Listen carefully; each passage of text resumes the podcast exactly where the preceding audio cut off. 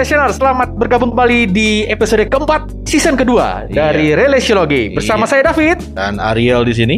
Nah, sekarang kita akan melanjutkan pembicaraan kita tentang gimana mau mulai kembali adalah dengan memperlengkapi teman-teman Mm-mm. dengan keterampilan ngobrol. Di episode yang lalu kita udah belajar tentang bagaimana cara memulai obrolan. Sekarang mulainya oke deh. Oke. Ngejaganya itu yang Setelah susah. itu Iya, gitu iya. ya, udah dapat nomor WA, udah tahu Iya. oh ini sama-sama kemarin kita ngantri di bioskop nih, Iya, iya. gitu kan. Follow up. Jadi, gimana mau ngobrolnya atau mungkin saat on the spot abis kenalan gimana ngobrol supaya Hmm. jalan terus. Apalagi ya? Iya, kadang-kadang ada momen-momen krik-krik gitu bilang, aduh Iya. mau ngomong apa lagi nih, ngomong apa lagi nih. Kayaknya kehabisan kata-kata deh gua gitu ya. Apalagi. Nah, kita mau memperlengkapi teman hari ini dengan beberapa tips. Kalau di kami sih ada 6 nih. Ngapain aja supaya percakapan kita bisa bergulir terus. Supaya nggak mati mati di tengah jalan gitu. Hmm. Ini mau ngomong apa lagi nih ya? Yang pertama Fit, apa? Nah, yang pertama ialah katakan yang banyak. katakan yang banyak. Nah, Ini perlu dipahami bahwa katakan yang banyak itu bukan hanya sekedar menyampaikan banyak informasi, tetapi bertanya merupakan bagian dari hal ini Iya, gitu. kita harus buka supaya kayak saluran air, air Hmm. itu bisa mengalir dengan baik gitu Hmm. ya. Nah, tapi kita pun harus mau berbagi juga. Mm-mm. Misalkan di dunia perchattingan, Asik. teman-teman udah ngerti mungkin ya Hmm. bahwa kalau kita chatting sama orang terus makin lama kata-kata dia makin sedikit. itu kenapa itu? Iya, itu berarti ada yang salah gitu kan. Berarti ini Oh. orang lagi nggak mau ngobrol kali ya. Ah, Tadinya iya aku tuh gini gini gini Ah. lama-lama cuma iya, akhirnya iye, iya. akhirnya emoji senyum Ah. gitu kan. Ya, kayak anak zaman sekarang beda kayak kita kali Fit, ya. Kita Gimana gimana? anak zaman sekarang tuh sangat memperhatikan jumlah kata-kata itu. Oh gitu. Iya, gue pernah nanya sama anak Hmm. SMP itu, kenapa kamu suka sama dia? Karena Hmm. udah jadian, Hmm, oh udah asik. jadian dia. Padahal gimana mau jadian? Sekolah penuh, Ah, pulang sekolah ngeles. Iya iya. Kamu tuh kapan pacarannya? Gitu kan. Ah, Iya, lewat chatting gitu. hmm, Loh, oke. Loh, kenapa bisa sama dia? Hmm. Sekelas juga enggak. Ya kami DM DM-an. Abis asik sih chattingnya jalan terus. Nah, itu prinsip yang penting teman-teman. Kalau kita mau ngobrolnya enak, Ah. kita nggak boleh sampai menghentikan arus informasi. Beri informasi sebanyak mungkin. karena dengan informasi yang kita berikan banyak, kemungkinan hal yang sama akan dilakukan oleh lawan bicara kita. Dia Iya. akan merasa perlu juga memberikan informasi yang banyak juga. bener banget Fit. Kita nih orang timur punya kayak rasa berhutang. Eh, sungkan. Kalau kamu ngasih saya lima, saya kayaknya punya kewajiban harus kasih kamu lima juga. Oke. Jadi sama teman-teman, misalkan kalau gue nanya sama David, contoh nih, Ah. ngobrol langsung nih. Oke. Eh, halo Fit, David kerjaannya apa? Sekarang saya lagi eh, belajar mau nulis sih gitu. Teman Martin, David ngomong sekarang saya sedang belajar menulis. Ada Ah. banyak yang bisa dikupas dari Heeh. sekarang. berarti sebelumnya apa? Nah, Nah, lagi tadi apa? Belajar Menekun- nulis. Belajar, Ah. belajar. Oh, berarti ada lagi- tekniknya ya? baru mulai tuh belajarnya ya. Terus Eh. menulis, nulis apa nih gitu. Nah, Beda banget kalau David cuma jawab gini. biasa lah. "Ah, biasa aja. Apa yang biasa ini? biasa bernapas gitu. apa yang biasa? ya bingung gitu. Ya gitu-gitu aja coba Ya lumayan lah daripada ya apa aja dikerjain. Kan susah kan apa aja dikerjain. Berarti it- kita kita bisa sedang nangkep bahwa topik ini tidak menarik buat David. Betul. Ya kan? gitu. ha. Ini mungkin tidak mau bahas ini mungkin Hmm, sesuatu iya. yang memalukan mungkin. Saya kurir narkoba sebenarnya gitu, real. Gue sebenarnya superhero. Kalau malam. Kalau Kalau kalau pagi pengangguran. Ya, ya, ya lihat dari jumlah kata-katanya teman-teman. Merespon biasa aja, Ya. ya gitu-gitu aja. Kan Hmm. kamu bingung kan itu. Perlu diingat juga, ini ya terserah kita sih. Oke. Nggak ada paksaan teman-teman harus memberi informasi kepada orang asing. Berarti sebaliknya ya kalau ingin menghentikan percakapan. Betul, betul. Oh gitu. Betul. Kita udah ngerti kan kalau Heeh. orang yang kita ajak chatting misalkan Mm-mm. udah langsung mengurangi jumlah kata-kata bahkan jumlah hurufnya. Eh. Kita tahu dia udah enggan. Dari gitu. okai Iya, menjadi oke, oke menjadi jadi kayak kayaknya gitu deh kan lama-lama ini kok makin berkurang hurufnya ya kita tahu bahwa dia udah nggak minat mau ngomong Hmm. nah sekarang tapi kan kita mau teman-teman gimana supaya orang tuh berminat ngomong Iya. nah mulai dari kita juga kalau kita ditanya misalkan sama dia Hmm. adek kuliah atau kerja Iya. Teman-teman boleh jawab kuliah Iya. satu kata beres betul. ah. atau teman-teman boleh juga Menambahkan merasa, informasi. saya mau melatih diri saya ngobrol nih misalkan Iya. atau saya mungkin juga udah tertarik sama orang ini Hmm. bahwa kayaknya asik ngobrol sama dia ya nggak ada Iya. salahnya bilang nih oh saya kuliah di Bandung Hmm. di daerah misalkan di Pati Ukur gitu, Ah. atau di daerah Jalan Dago itu Hmm. kan jauh lebih banyak kata-katanya. Jumlah katanya udah lebih berbeda. Betul. Nah, kita bisa bahas banyak. Hmm. Misalkan kalau di Bandung itu, oh eh, saya kuliah di Bandung di Jalan Dago. Hmm. Jalan Dagonya sebelah mananya ya? Saya Ah. rasa banyak lihat kampus, kampus yang mana ya? Hmm. Hmm. Nah, kita bisa nanya lagi gitu. Oke. Tadi kan sudah David bilang Ya. dikombinasikan dengan bertanya. Bertanya aja udah menambah jumlah kata, ya nggak sih? Hmm. Jadi kadang-kadang ini bicara soal banyak tuh benar jumlah katanya teman-teman. Oke. Ah, Oke. Tapi tapi ya, tapi kata orang kata mama saya jangan ngomong sama orang asing gitu kan ya. Oh. Ya betul. Ini kembali ke hak teman-teman untuk bercerita sejauh mana teman mau share. Kita nggak wajib kok menceritakan informasi tentang diri kita kepada orang kita baru Iya. kenal. Tapi ada informasi-informasi yang bisa kita bagikan. Betul. memang, yang betul. sebenarnya itu nggak no, no harm lah ya, nggak Iya, berbahaya untuk kita bagi. Dan kalau teman-teman pun tidak mau membaginya, itu hak teman-teman. Tapi kalau Hmm. seandainya teman-teman ada dalam setting keadaan, kita tuh mau melatih dan atau kita mau percaya atau kita mau ngobrol emang mau menjadi hubungan sama orang ini, Hmm. maka berilah yang banyak. Katakanlah yang banyak. Bahkan kita sendiri bisa jadi mematikan komunikasi itu kalau dia udah mau nih bagi lima kata. Hmm. Kita tetap balas dengan dua kata, dua kata, dua Hmm. kata. Lama-lama mati sendiri. Tiba-tiba saya keinget sebuah adegan di film Hmm. Jason Bourne. Oh, Si tok- settingnya action ya. si tokohnya ini kehilang ingatan masa Hmm. lalunya. Iya. Dia ketemu terpaksa ikut bersama dengan seorang cewek. Ceweknya Hmm. ngomong panjang lebar. Hmm, Ceweknya sadar. Aduh, gua kebanyakan ngomong. katanya. Iya. Terus cowoknya bilang kayak gini. Enggak, gua seneng kok dengerin lu. Karena emang dia hilang ingatan. Jadi bagi cewek, waduh lu pendengar yang baik dan segala Iya. macam. Enggak, gue hilang ingatan sebenarnya. Tidak semua seperti itu ya. Betul, emang ada settingan-settingan, ada kondisi-kondisi yang kita juga mesti lihat keadaan. Iya. Bahwa kadang-kadang ada orang yang emang ya emang ngejawab itu karena dia senang mendengarkan, Ya. jadi emang dia emang Heeh. suka banget nikmatin banget Heeh. gitu. Tapi kalau udah gitu udah, udah, udah enak lah ya. Kita, Iya. kita ngomongin itu cantik ya, ya gitu. apalagi mau berjuang apa lagi gitu kan. Tapi juga ada ada orang yang ya dia benar-benar nggak tahu gimana nanggapin. Kita mesti peka juga ngeliatnya. Hmm. Makanya, oh ya, makanya teman-teman, sebagai catatan pertama nih sebelum kita terlalu jauh, Hmm. bagus kalau keterampilan ini dikombinasikan dengan keterampilan mendengarkan. Nah. Yang mungkin akan jadi satu episode kita di di masa yang akan Betul. datang. Iya, sehingga apa yang kita katakan, pertanyaan-pertanyaan yang kita lontarkan itu bersumber dari bagaimana kita mencerna. Iya, begitu. mengolah apa yang dia kasih sama kita. Nah, Gitu. Jadi kayak tadi, David kalau menjawab gue nanya David Hmm. kerjaannya apa? Bilang, Hmm. oh sekarang saya lagi belajar menulis. Hmm. Gue bisa bahas sekarang, Hmm. gue bisa bahas belajar, Hmm. gue bisa bahas menulis gitu. Hmm. Kita mengolah informasinya itu. Tapi apa yang mau diolah? Nah, Kalau yang dikasih cuma biasa aja, Hmm. lumayan, Hmm. iya, enggak, Hmm. mungkin, eh, Hmm. entah ya, apalagi nggak ada yang bisa diolah. Jadi Hmm.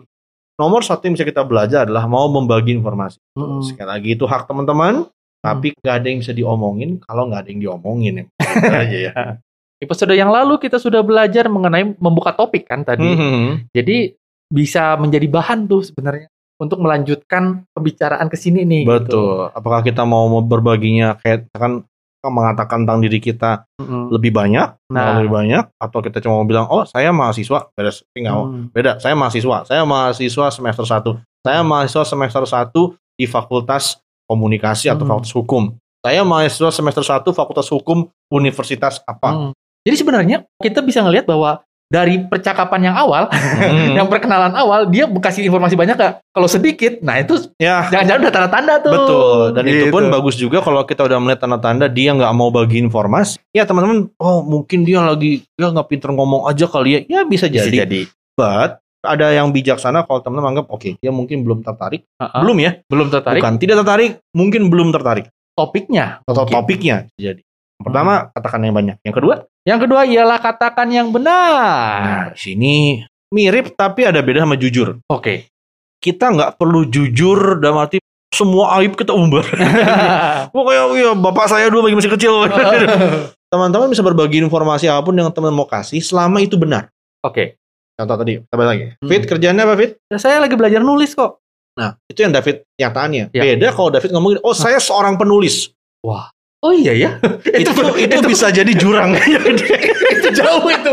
Itu jauh itu. Iya kan kayak ngomong gini, oh eh, saya mahasiswa sama saya udah lulus. Hmm. Itu jauh. Iya, mereka Nah, mungkin saya kayak mengerjakan yang sama, tapi mereka ada di garis yang berbeda gitu. Mas saya mahasiswa kedokteran dengan saya dokter spesialis. Iya, itu itu juga. Iya, gitu itu dua hal yang berbeda. Nah, kita mesti hati-hati, jangan sampai kita mengungkapkan informasi bahkan juga bukan tentang diri kita. Hmm. Misalkan kita ngomongin ketika dia nanya misalkan, Hmm. "Eh, mau nanya, kalau di fakultas kamu itu ada ini nggak sih di kampus kamu ada ini nggak sih Hmm. tempat kerja kamu ada ini nah kalau kita misalkan memberi informasi yang keliru kadang bukan bohong ya mungkin kita Oh. nggak maksud tapi kita kasih informasi yang keliru ya bisa jadi itu menjadi membunuh percakapan terutama kalau misalkan orang ini cuma bentuk basa-basi Ah. dia tahu mungkin udah ada Iya. terus dia tuh dia dengar kamu ngomongnya oh nggak ada tuh ya padahal ada misalkan ya misalkan oh kamu anak fakultas hukum ya Hmm. saya pengennya sih kuliah ini loh di kampus kamu ada nggak dia Hmm. tahu dia cuma basa-basi aja kadang-kadang Ah. ya atau mungkin ada juga yang pengen ngetes kadang-kadang ya Ah, gitu iya, ya nggak tahu motivasinya apa tapi kalau kita bisa jawab dengan informasi yang benar oh berarti ini anak tahu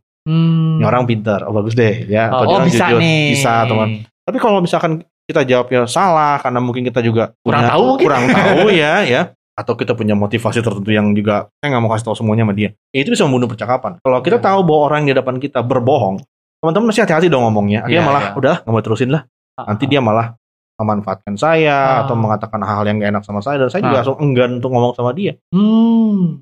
Jadi memang katakan yang benar, bukan berarti seluruhnya ingat ini orang baru. Jadi jangan langsung bagi-bagi nomor rekening. atau Jangan nomor langsung PIN, diajak ATM. apalagi kode OTP. kode OTP hanya boleh Anda dan Tuhan yang tahu. ya. Enggak, enggak. Itu bukan berarti teman-teman mengatakan yang benar, bukan berarti teman harus terbuka semuanya kepada dia. Tapi paling tidak, kalau Hmm. kita mau nyampaikan informasi, sampaikanlah informasi yang benar. Hmm. Jangan bohong, jangan hoax, jangan keliru, apalagi menyesatkan, jangan. Hmm. Kalau tidak, tidak tahu atau kurang tahu, jawablah tidak tahu. Iya. Dan itu bisa jadi sebaliknya ya, misalnya di kampus kamu tuh ada jurusan filsafat ya?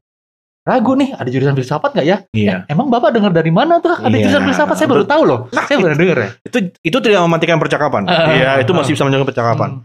Nah, ini juga lu ada gue jadi teringat juga Fit. Ada orang-orang yang suka ngomong gini, hati-hati jangan bilang nggak tahu.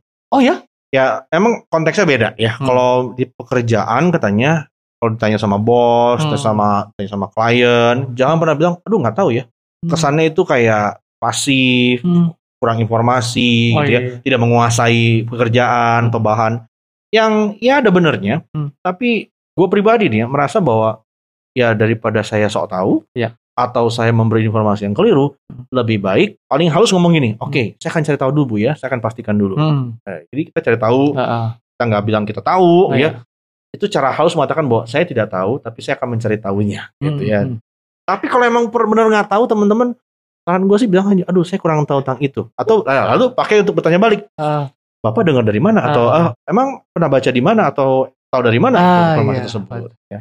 Saya jadi malah keingatan skenario yang lain. Hmm. Jadi ketika seorang pasangan bertanya, kamu tahu salah kamu apa? Terima kasih. Izinkan saya mencari tahu dulu kesalahan saya. Beri saya waktu satu minggu. Tolong jangan ganggu saya. saya perlu waktu untuk memikirkannya. Terima kasih banyak. Nah, habis itu main PS aja, main futsal aja sama teman. itu, itu kok, kok yang ngambek situ gitu. Jadi emang katakan yang benar saja. Oke. Saya baik kita yang benar. Jadi kalau nggak tahu gimana? Eh, kalau nggak tahu ya bilang aja nggak tahu gitu. Tahu. Saya nggak tahu tuh gitu ya. Oh, Saya tahunya ini. oh saya tahunya ini. Ah, kalau mengenai fakultas atau mengenai jurusan atau mengenai bisnis ini, Hmm. saya nggak tahu. Saya tahunya bisnis yang ini atau saya tahunya pekerjaan yang ini. Hmm. Yo, dia nulis, oh berarti David gitu ya, nulis-nulis cerita horor dong ya gitu. Oh. Wah, kalau cerita romantis saya tahu. Ah, Cerita horor saya kurang menguasai. Ah, Jadi saya nggak tahu gimana hubungannya. Berikutnya ialah katakan yang nyambung, yang sesuai dengan topik, yang jadi sesuai dengan apa informasi apa yang disampaikan tadi Iya. gitu. Jadi kalau misalkan David udah ngebahas tentang ngobrol tentang pekerjaannya. Ah, Nah, dia tuh kayak masih mau ngomong misalkan, "Oh, saya Ah. lagi nulis ini kok." gitu. Ya, saya, proyek saya- ini. saya menjadi penulis. Nah, Hmm. sebenarnya ada banyak yang bisa kita bahas di situ, tapi kita langsung melompat ke topik yang lain. ah, ah. Misalkan bisa oh, tapi kerjanya apa? Oh, saya lagi belajar jadi penulis kok. Oke. Eh, orang Hmm. tua gimana kabarnya? Itu kadang-kadang ce- gantinya cepat sekali. Ah. Sehingga membuat orang tuh bingung kadang-kadang atau kadang-kadang kalau lagi kamu kalau lagi asik-asikan nih Hah? ngebahas, Hah? ya kok nulis tuh begini, Nah, saya tuh lagi gini. Oh iya, Eh, orang tua gimana Fit? Coba Hmm. kayak David harus membuat lompatan ah. dari ngomongin minat dia dalam hal Hmm. menulis, tiba-tiba mau lompat ke orang tua. Saya bisa muncul asumsi bahwa topik saya ini nggak menarik, pekerjaan saya ini nggak menarik dan kurang berharga dibandingkan Itu pekerjaan lu sekarang, betul. Ril, gitu. Atau mungkin saya lagi nganggap remeh gitu. Ah, omongan David nggak penting. Saya Ah. bahas yang lebih penting aja. Oh. Ya itu bisa ya kita boleh bilang saya nggak maksud, Hmm. kita boleh bilang enggak kok. Saya cuma mau saya serius pengen tahu tentang orang tua dia. Hmm. Kita nggak bisa mencegah orang ber- ber- berpikir tadi bahwa Hmm. kok omongan saya diganti ya? Oh. Apakah ini kurang penting gitu ya? Iya. Pekerjaan saya kurang penting. Atau kamu emang nggak mau dengerin saya sebenarnya? Hmm. Kamu cuma mau berbahasa basi aja Hmm. sama. Apa yang salah sama aku ya? Apa yang salah sama aku? Betul. Ah, itu tuh. Apa yang salah sama itu yang aku suka ya? menghantui orang-orang Ah. kalau ngobrol tuh. Aduh, aku salah ngomong ya tadi Ah. gitu kan. Rasa nggak teman-teman? Ah. Kalau tiba-tiba ada yang ngeganti percakapan, itu kayaknya kita Iya. baru aja menyinggung seorang misalkan gitu. Oh, Eh, iya. kita ngomongin yang lain yuk. itu kan kayak, oh iya iya, apa yang salah nih? Oh iya gitu. Dan kadang kita nggak tahu masalahnya di mana. gitu, Pak. Iya, iya. Jadi mencoba untuk stay on the topic ya, tetap Hmm. pada topik tersebut selama mungkin. Iya. Ada gunanya. Pertama itu menunjukkan kita perhatian, Hmm. kita memang berminat sama topik tersebut, Iya iya. kita emang genuinely, sesungguhnya emang benar pengen tahu dan pengen mengenal orang itu, pengen menggali informasi di situ, dan juga mencegah itu itu asumsi-asumsi yang keliru bahwa kita nggak menarik ternyata. Jadi itu kegunaannya sekali lagi ya. Kalau kita bisa jaga omongan kita nyambung teman-teman, Hmm. menolong banget. Orang itu tadi nggak merasa sampai berasumsi bahwa oh apakah topik saya ada yang salah gitu kan ya. Hmm.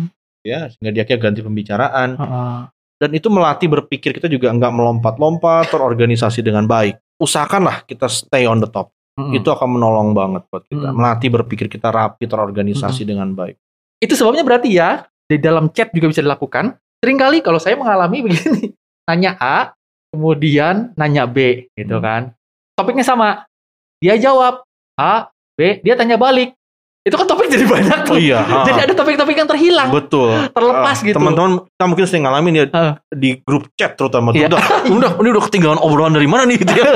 iya, kita mesti udah suka yang nanya, "Eh, ini kenapa sih ada ini?" Ah. Alah, baca yang di atas satu gitu kan, yang lain Oh. udah terlalu jauh. Oh betul betul. Nah, itu itu emang dimungkinkan kalau chat dan Hmm. sebenarnya gampang juga. Syukurnya kalau chat kita bisa mundur balik. Iya. Ya kalau ada yang ketinggalan sesuatu atau Hmm. mungkin kita bisa nemukan kok jadi kemari ya, kita bisa trace balik. Hmm. Nah, kalau ngobrol sehari-hari kadang agak susah. Makanya kadang banyak orang yang lebih nyaman pakai chat ya gitu karena mereka mungkin tertolong ya. Hmm. Tapi ini jadi kehilangan seninya bicara orang per orang langsung ini Oh. yang kayak kegerus gitu. Makanya kita pikir kita perlu kembalikan lagi tuh skill keterampilan berbicara ngobrol ini. Yang mungkin orang generasi yang agak lebih atas nih X, generasi X atau milenial mungkin masih ngerasain. Yang ke bawah udah mulai kalau kita ajak telepon, ya Ah. terutama yang introvertnya apalagi Iya. misalkan ya. Telepon ya, eh, chat aja deh. Iya. Karena bisa kita bisa bacanya kapan kita nggak tahu Iya. ya. Dan emang ada kegunaan juga kalau kita lupa kita bisa baca ulang. Hmm. Tapi jadi orang sangat tergantung sama alat tapi tidak terlatih menggunakan kesannya, kemampuannya mengingat. Oh. Itu yang kegerus. Itu yang kita Oh. perlu hati-hati. Oke oke. Nah, itu another topik teman-teman ya. Iya, itu ini nggak ada habisnya kalau kita nih ngomong ini. Oke, katakan yang nyambung jadi belajar stay on the topic. Tetap pada topik tersebut gali sampai dalam banget. Ah. Kalau udah mentok ya udah Hmm. ganti topik. Bas ya. Nah, bagi teman-teman yang udah akrab, it's okay ganti topik. Kadang udah ngobrol ke mana-mana udah cepat wah, ya. wah, sampai suka ngomong nih. Tadi ngomongin apa sih tadi dia ngomongin Iya, ini? Kok bisa mengenai pembunuhan Munir tadi? kita tadi lah bicara tentang bawang loh. Iya. Iya, itu bisa terjadi ya. Tapi untuk obrolan-obrolan yang perlu tegas, perlu Efisien. jelas, efisien, waktu kita nggak banyak, penting untuk stay on the topic. Itu Hmm. malah menunjukkan bahwa kita orang yang terpelajar, orang yang menghormati waktu orang lain juga. Ah, ah. Ya kan orang punya waktu ya, jangan sampai Iya. dia habis waktu cuma untuk mendengar hal-hal yang nggak nyambung sama apa yang dia Hmm. pengen. Berarti lawan bicara ya. Lawan, Lawan kita bicara. perhatikan lawan bicaranya gitu. Iya, waktu yang kita punya juga berapa lama. Betul. Kalau waktunya cuma sedikit, masa ngomonginnya ke mana-mana ya? Iya betul betul. Mendingan dapat satu yang dalam Hmm. daripada dapat banyak tapi fakta-fakta yang remeh-remeh, gampang lupa lagi. Iya betul betul betul. Oke, Iya. yang keempat sekarang. Yang keempat ialah katakan yang jelas. Jelas. Nah. Jangan ambigu teman-teman. Oke. Coba sebutkan kata-kata ambigu yang David tahu. Omongan apa sehari-hari yang kalau Iya. diomongin tuh ambigu, bikin kita bingung mau responnya gimana? Oke. Misalnya nih paling mudah ya. Orang tua nanya, gimana sekolah? Aman pak. Segera. Segera apa ini? Segera lulus. Pertanyaan, Segera DO. iya. Pertama pertanyaan juga gimana sekolah, gimana apanya nih? Eh, bangunannya. Ah, masih berdiri. Kepala sekolahnya masih Pak Dadang. Iya. Uang sekolahnya gimana, pelajaran gimana, ini pelajaran yang kemarin, hari ini atau gimana. Iya. Yang lalu emang bisa jadi disambut dengan kalimat yang sama ambigu juga itu ya. Pertanyaan yang salah memberikan peluang untuk jawaban yang Betul. salah. Ah, iya. Walaupun memang kadang orang udah nanya apa, kalau kita benar ngerti kan ya, mungkin udah nangkep lah. Kalau orang nanya sesuatu yang spesifik, Iya. terus Kita jawabnya. kita jawab yang ambigu, kan orang jadi mikir kenapa nih? Apakah topik ini tidak menarik? Iya, Berbahaya? iya, ada apa nih gitu kan ya? Ada yang nggak beres. Ada yang nggak beres? Iya. Kayak misalkan ditanya tadi tuh, kamu di mana sayang? Nah, adalah. Ya, itu tuh jelas banget tuh ngebohong. Adalah, ada aja. Adalah. Foto aja tuh foto banget. Coba videoin tuh. siapa kamu dengan siapa? Coba videoin. Iya. Ada ceweknya nggak di situ? Iya, kita akan memicu mereka tuh berpikir salah gitu. Jadi kita mesti benar-benar hati-hati. Kalau Ah. kita mau jawab yang ambigu, siap-siap konsekuensinya gitu ya. Misalkan juga nih, Ah. misalkan ada yang lu lagi di mana, terus dia jawab OTW. Ah. Kan lu curiga kan? Iya. Ini Pasti. ini jangan-jangan baru bangun nih orang nih gitu kan. Ini ya gue lagi OTW. OTW itu kamar mandi misalkan. Iya. Kan gue belum ba- baru bangun, belum mandi gitu. contohnya. Salah satu hoax masa kini. Contoh lagi misalkan kalau kita ngomong secepatnya, kan tuh bingung kan? Iya. Iya. Apalagi kalau bos nanya, gimana proyek kita? Gitu. Aman pak, tinggal dikerjakan. Tinggal dikerjakan. Nah itu ambigu tuh. Pokoknya bapak tenang. itu itu itu dikerjain atau belum jadinya gitu kan? Yang Ya, penting yakin dulu. yakin dulu. Impresinya bahwa ini orang tahu apa yang sedang dilakukan iya, gitu. padahal enggak aja. Tenang pak, tinggal dikerjakan. Hati fit, nanti dipakai sama ini ilmu ngeles. Eh. Seringkali ambigu-ambigu itu Eh, yang enggak jelas itu dipakai untuk mengaburkan kenyataan. kan? iya, Ya. fakta-fakta. Iya, bahwa ada sesuatu yang kita sembunyikan, ada yang nggak beres, atau tadi mungkin kita sebenarnya nggak kita nggak percaya sama dia. Kalau katakan yang benar, itu Ah. jangan berbohong. Oke. Kalau yang ini, jadi kita jangan sampai kita misleading orang gitu ya. Kita Oh. mengarahkan orang ke arah yang salah. Dan kadang Hmm. sengaja malah kita Oh, pikir, iya. oh ya, saya mah tinggalnya di Jakarta. Karena emang kita, padahal kita agak ke pinggir. Bekasi. Kan, ya, misleading gitu kan. Iya. Kita antara berkata yang tidak benar, tapi juga memberikan sesuatu yang kayak terlalu gede supaya orang tuh nggak bisa menebak di mana. Hmm. Nah ini nggak ini nggak produktif kalau kita mau ngobrol dengan Hmm. orang yang memang kita pengen dekat sama dia. Hmm. Sekali lagi, kayak Hmm. gue ingetin lagi sama teman-teman ya. Bukan berarti kita harus belak-belakan, super belak-belakan semua diumbar gitu Iya, kan ya. Ya sampai ke nomor rekening gitu kan ya, kode OTP semuanya harus tahu gitu. Iya. Enggak juga, Hmm. tapi tadi bayang nggak kalau ada dua orang nih, dia tuh emang bener niat pengen kenal kita, Hmm. lalu kita menghancurkannya gara-gara kita mematikannya dengan tidak memberikan informasi yang jelas, Oh. omongan yang yang spesifik gitu, abstrak. ada ada skenario kayak gini ya misalnya ketemu nih cowok sama cewek. Eh eh, mbak punya obeng? Ah obeng? Enggak. Nomor wa punya dong. Punya. Udah aja. Rumahnya di mana? Ada ditinggal. Namanya siapa? David. Kalau dipanggil nengok untuk pembunuh percakapan yang efektif betul Kalau kalau kita mau pergi ke arah sana, tuh, ya bener itu pembunuh banget kan. Dulu gue mau ngapain gimana responnya gitu kan. iya Kalau kita mau ngejar kayak ke sana kayak kepo banget tuh kan. Ah, iya benar itu menempatkan lawan bicara kita di posisi yang gak enak gitu. iya iya Gue mau nanya lagi gak enak gitu Iya. kan ya. Kalau gue nggak nanya gue bingung. perjalanan masih 16 jam lagi di pesawat gitu kan sampingan iya gimana nih ya gitu. Jadi Heeh. Teman-teman mencoba sebanyak yang kita bisa untuk spesifik ya. Heeh. Kalau jangan kasih kalimat-kalimat yang membingungkan, yang bikin orang jadi menebak-nebak. Hmm. atau tadi menimbulkan asumsi bahwa kamu tuh nggak nggak niat emang mau ngobrol sama saya, Hmm. kamu nggak percaya sama saya. Oh. Ini nggak masalah kalau teman-teman emang emang itu Sengaja. rencananya sengaja ya gitu ya. Hmm. Tapi kalau ini terjadi sama pembicaraan yang kamu harapkan, yang mungkin terjadi cuma ini kesempatannya kan, and you blew it gitu kan, kamu menghancurkannya karena kamu nggak tahu gimana caranya, Iya. atau terbiasa ngomong kayak gitu. gitu. Oh iya ya, melakukan di tongkrongan mah gitu asik ya. Tapi ketemu orang baru. Iya itu jadinya dia nggak tahu gimana cara meresponnya gitu. Belum sefrekuensi Iya. ya, belum sefrekuensi. Eh, iya, belum jadi bestie. Iya. Betul gitu. Kan kalau udah jadi kan enak mungkin dia tahu gimana cara nimpalinnya. Tapi kalau enggak ya itu kita mengalami namanya kebingungan, kebingungan gitu kan. Oke.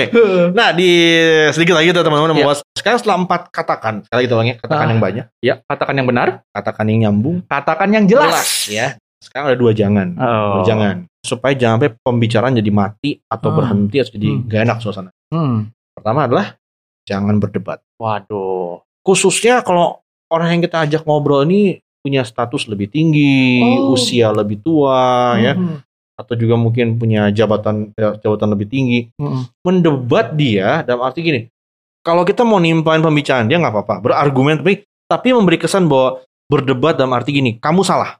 Nah itu bisa jadi tidak produktif, Oh, karena gini, nggak ada orang Ya. yang senang ditunjuk kesalahannya. di hadapan orang. Iya, bahkan kalaupun dia salah, nggak enak kan ya. Kita tahu Hmm. kita salah nih. Hmm. tapi dikenain kesalahannya kan lalu dia nggak enak kan rasanya kan ya ada kayak harga diri yang mesti dipertahankan itu kan, ya, gitu. jadi kalau teman-teman berdebat sama orang dan Ya. emang anggaplah teman-teman benar kamu mungkin menang perdebatannya Heeh. tapi kamu mungkin kehilangan hubungan itu Apakah bisa dipoles? tetap menegur, tetap menyatakan kesalahan, tapi olesannya gitu ada apakah ada tentu cara lain? tentu bisa makanya tadi berargumen itu uh, trikinya gini Fit Tidak semua orang kali ya. iya dan kalau ini kalau ini dalam konteks hubungannya orangnya juga belum dekat nih Iya. ya kita susah ya mau negur kesalahan dia mau Hmm. ngomong dia salah. Dan orang nggak nyaman nih gitu di awal. Kalau udah deket ya mungkin oke deh. Ya Hmm. kamu ngomong saya salah apa dan kita mungkin bisa terima. Ya, ya. tapi ingat, ini konteksnya orang baru kenal. Kalau misalnya orang baru kenal kita jangan buru-buru gitu. Mau Oh. bergerak ke arah sana. Kita mungkin ngelihat ada kalimat dia yang keliru ada fakta dia yang keliru. Nah kita nggak perlu buru-buru pengen mengkoreksi dia. Eh kamu salah. Kadang-kadang mungkin kalau mau pakai cara halus gini Fit misalkan iya kan misalkan eh, Indonesia ini udah udah 65 tahun merdeka Kayak gitu Oh, itu 65 berat tahun. badan kali. 65 tahun ya oh bukannya 75 ya Ah. nah, kita bisa pakai gitu Oh, Ternyata dia anggota Sunda Empire. kita lagi direkrut Lagi presentasi dia. Iya.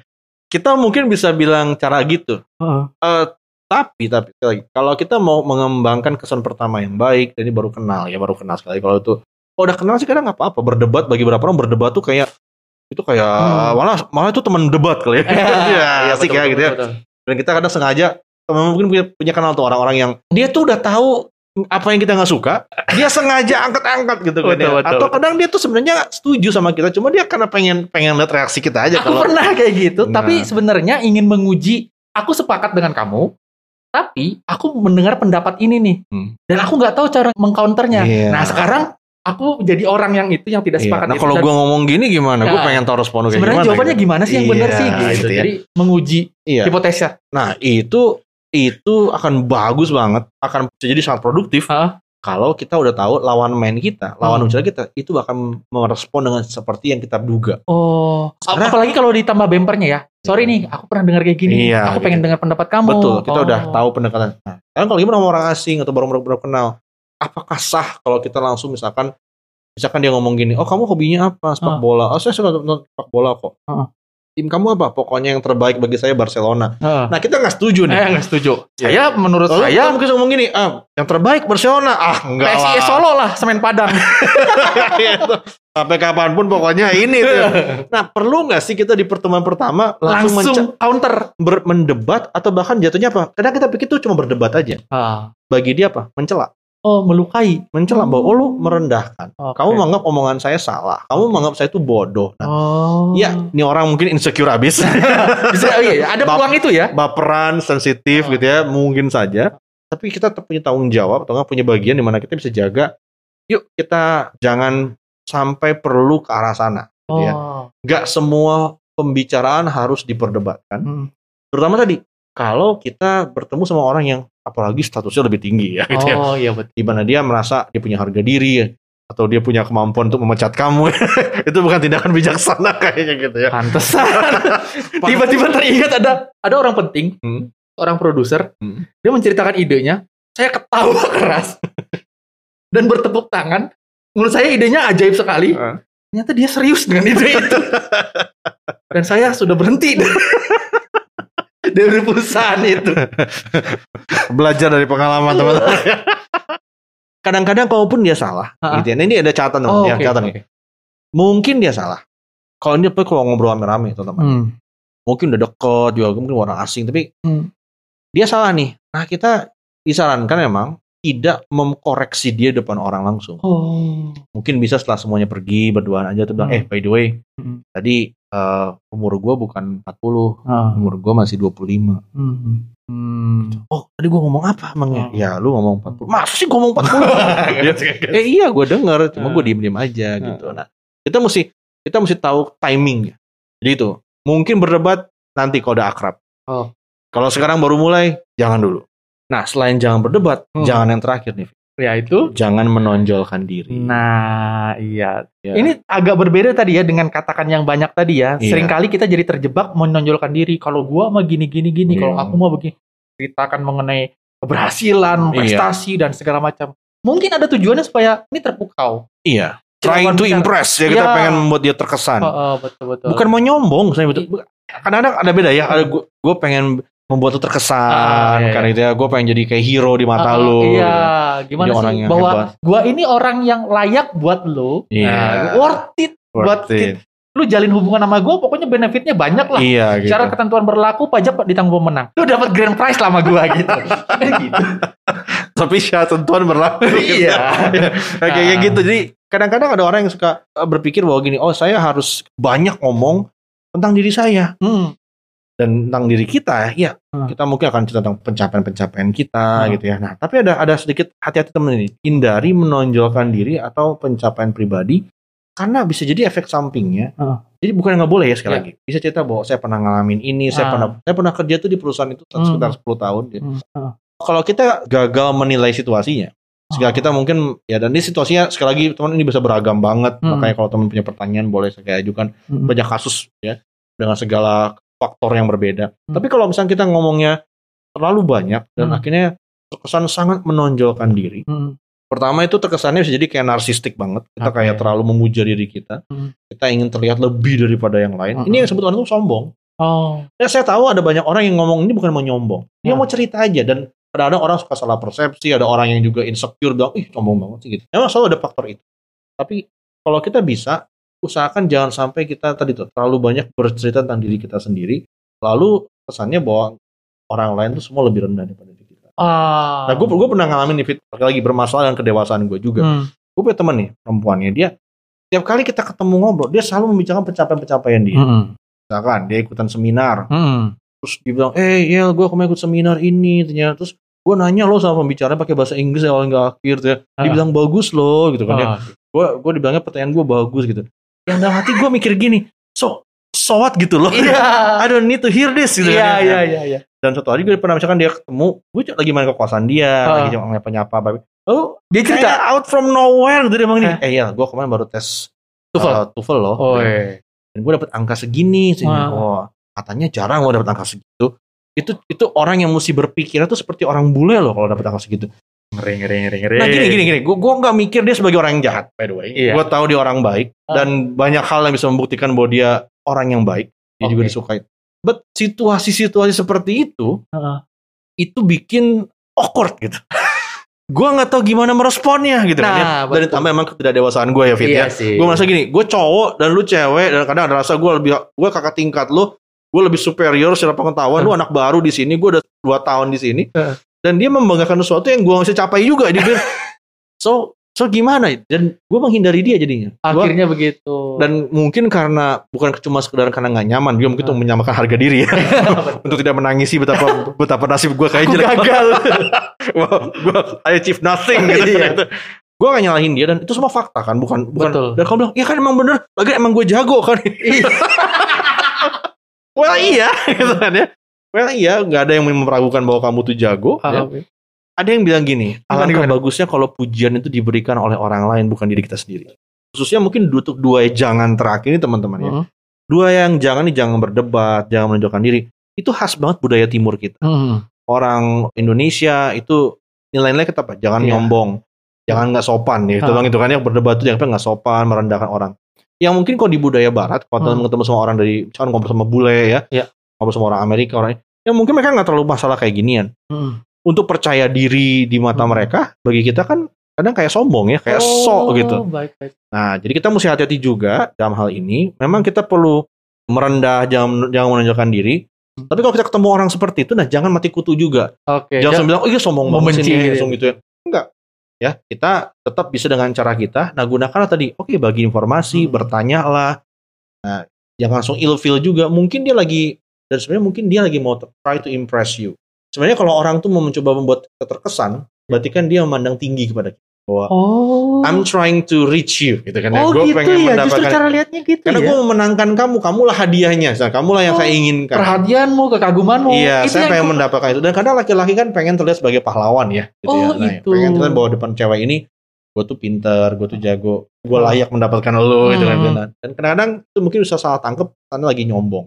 Ya, jadi kalau teman-teman ketemu ini, catatan aja, Hah? jangan langsung buru-buru bilang dia nyombong. Mungkin dia lagi ya Berusaha mendapatkan. mendapatkan perhatian kita.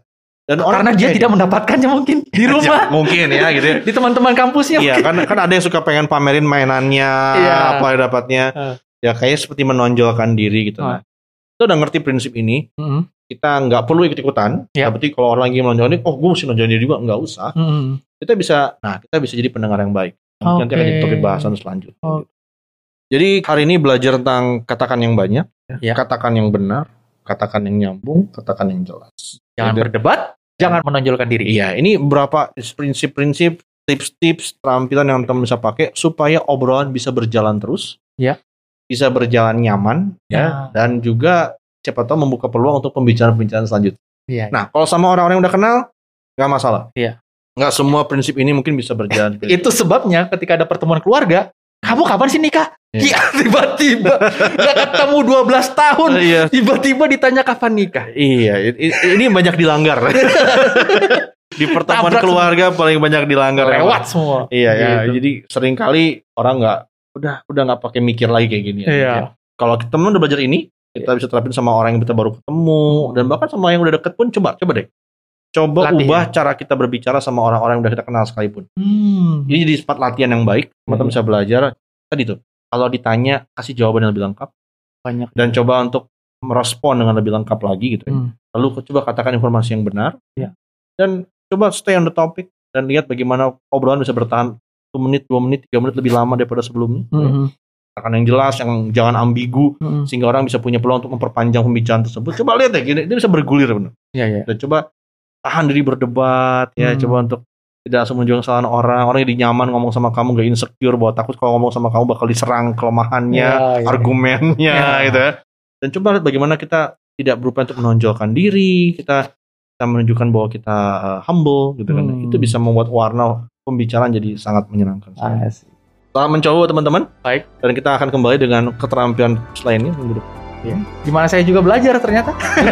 Banyak sekali. gue juga teman-teman kita jadi diingatkan lagi, gue juga diingatkan lagi bahwa oh ngobrol tuh begitu. Kadang sama orang yang tuh, sama orang terdekat kita paling abai sama sama. Iya. Gitu. Saya Ariel, Saya David dan sound editor Stefanus. Kami Iya. undur diri. sampai jumpa lagi. Bye bye.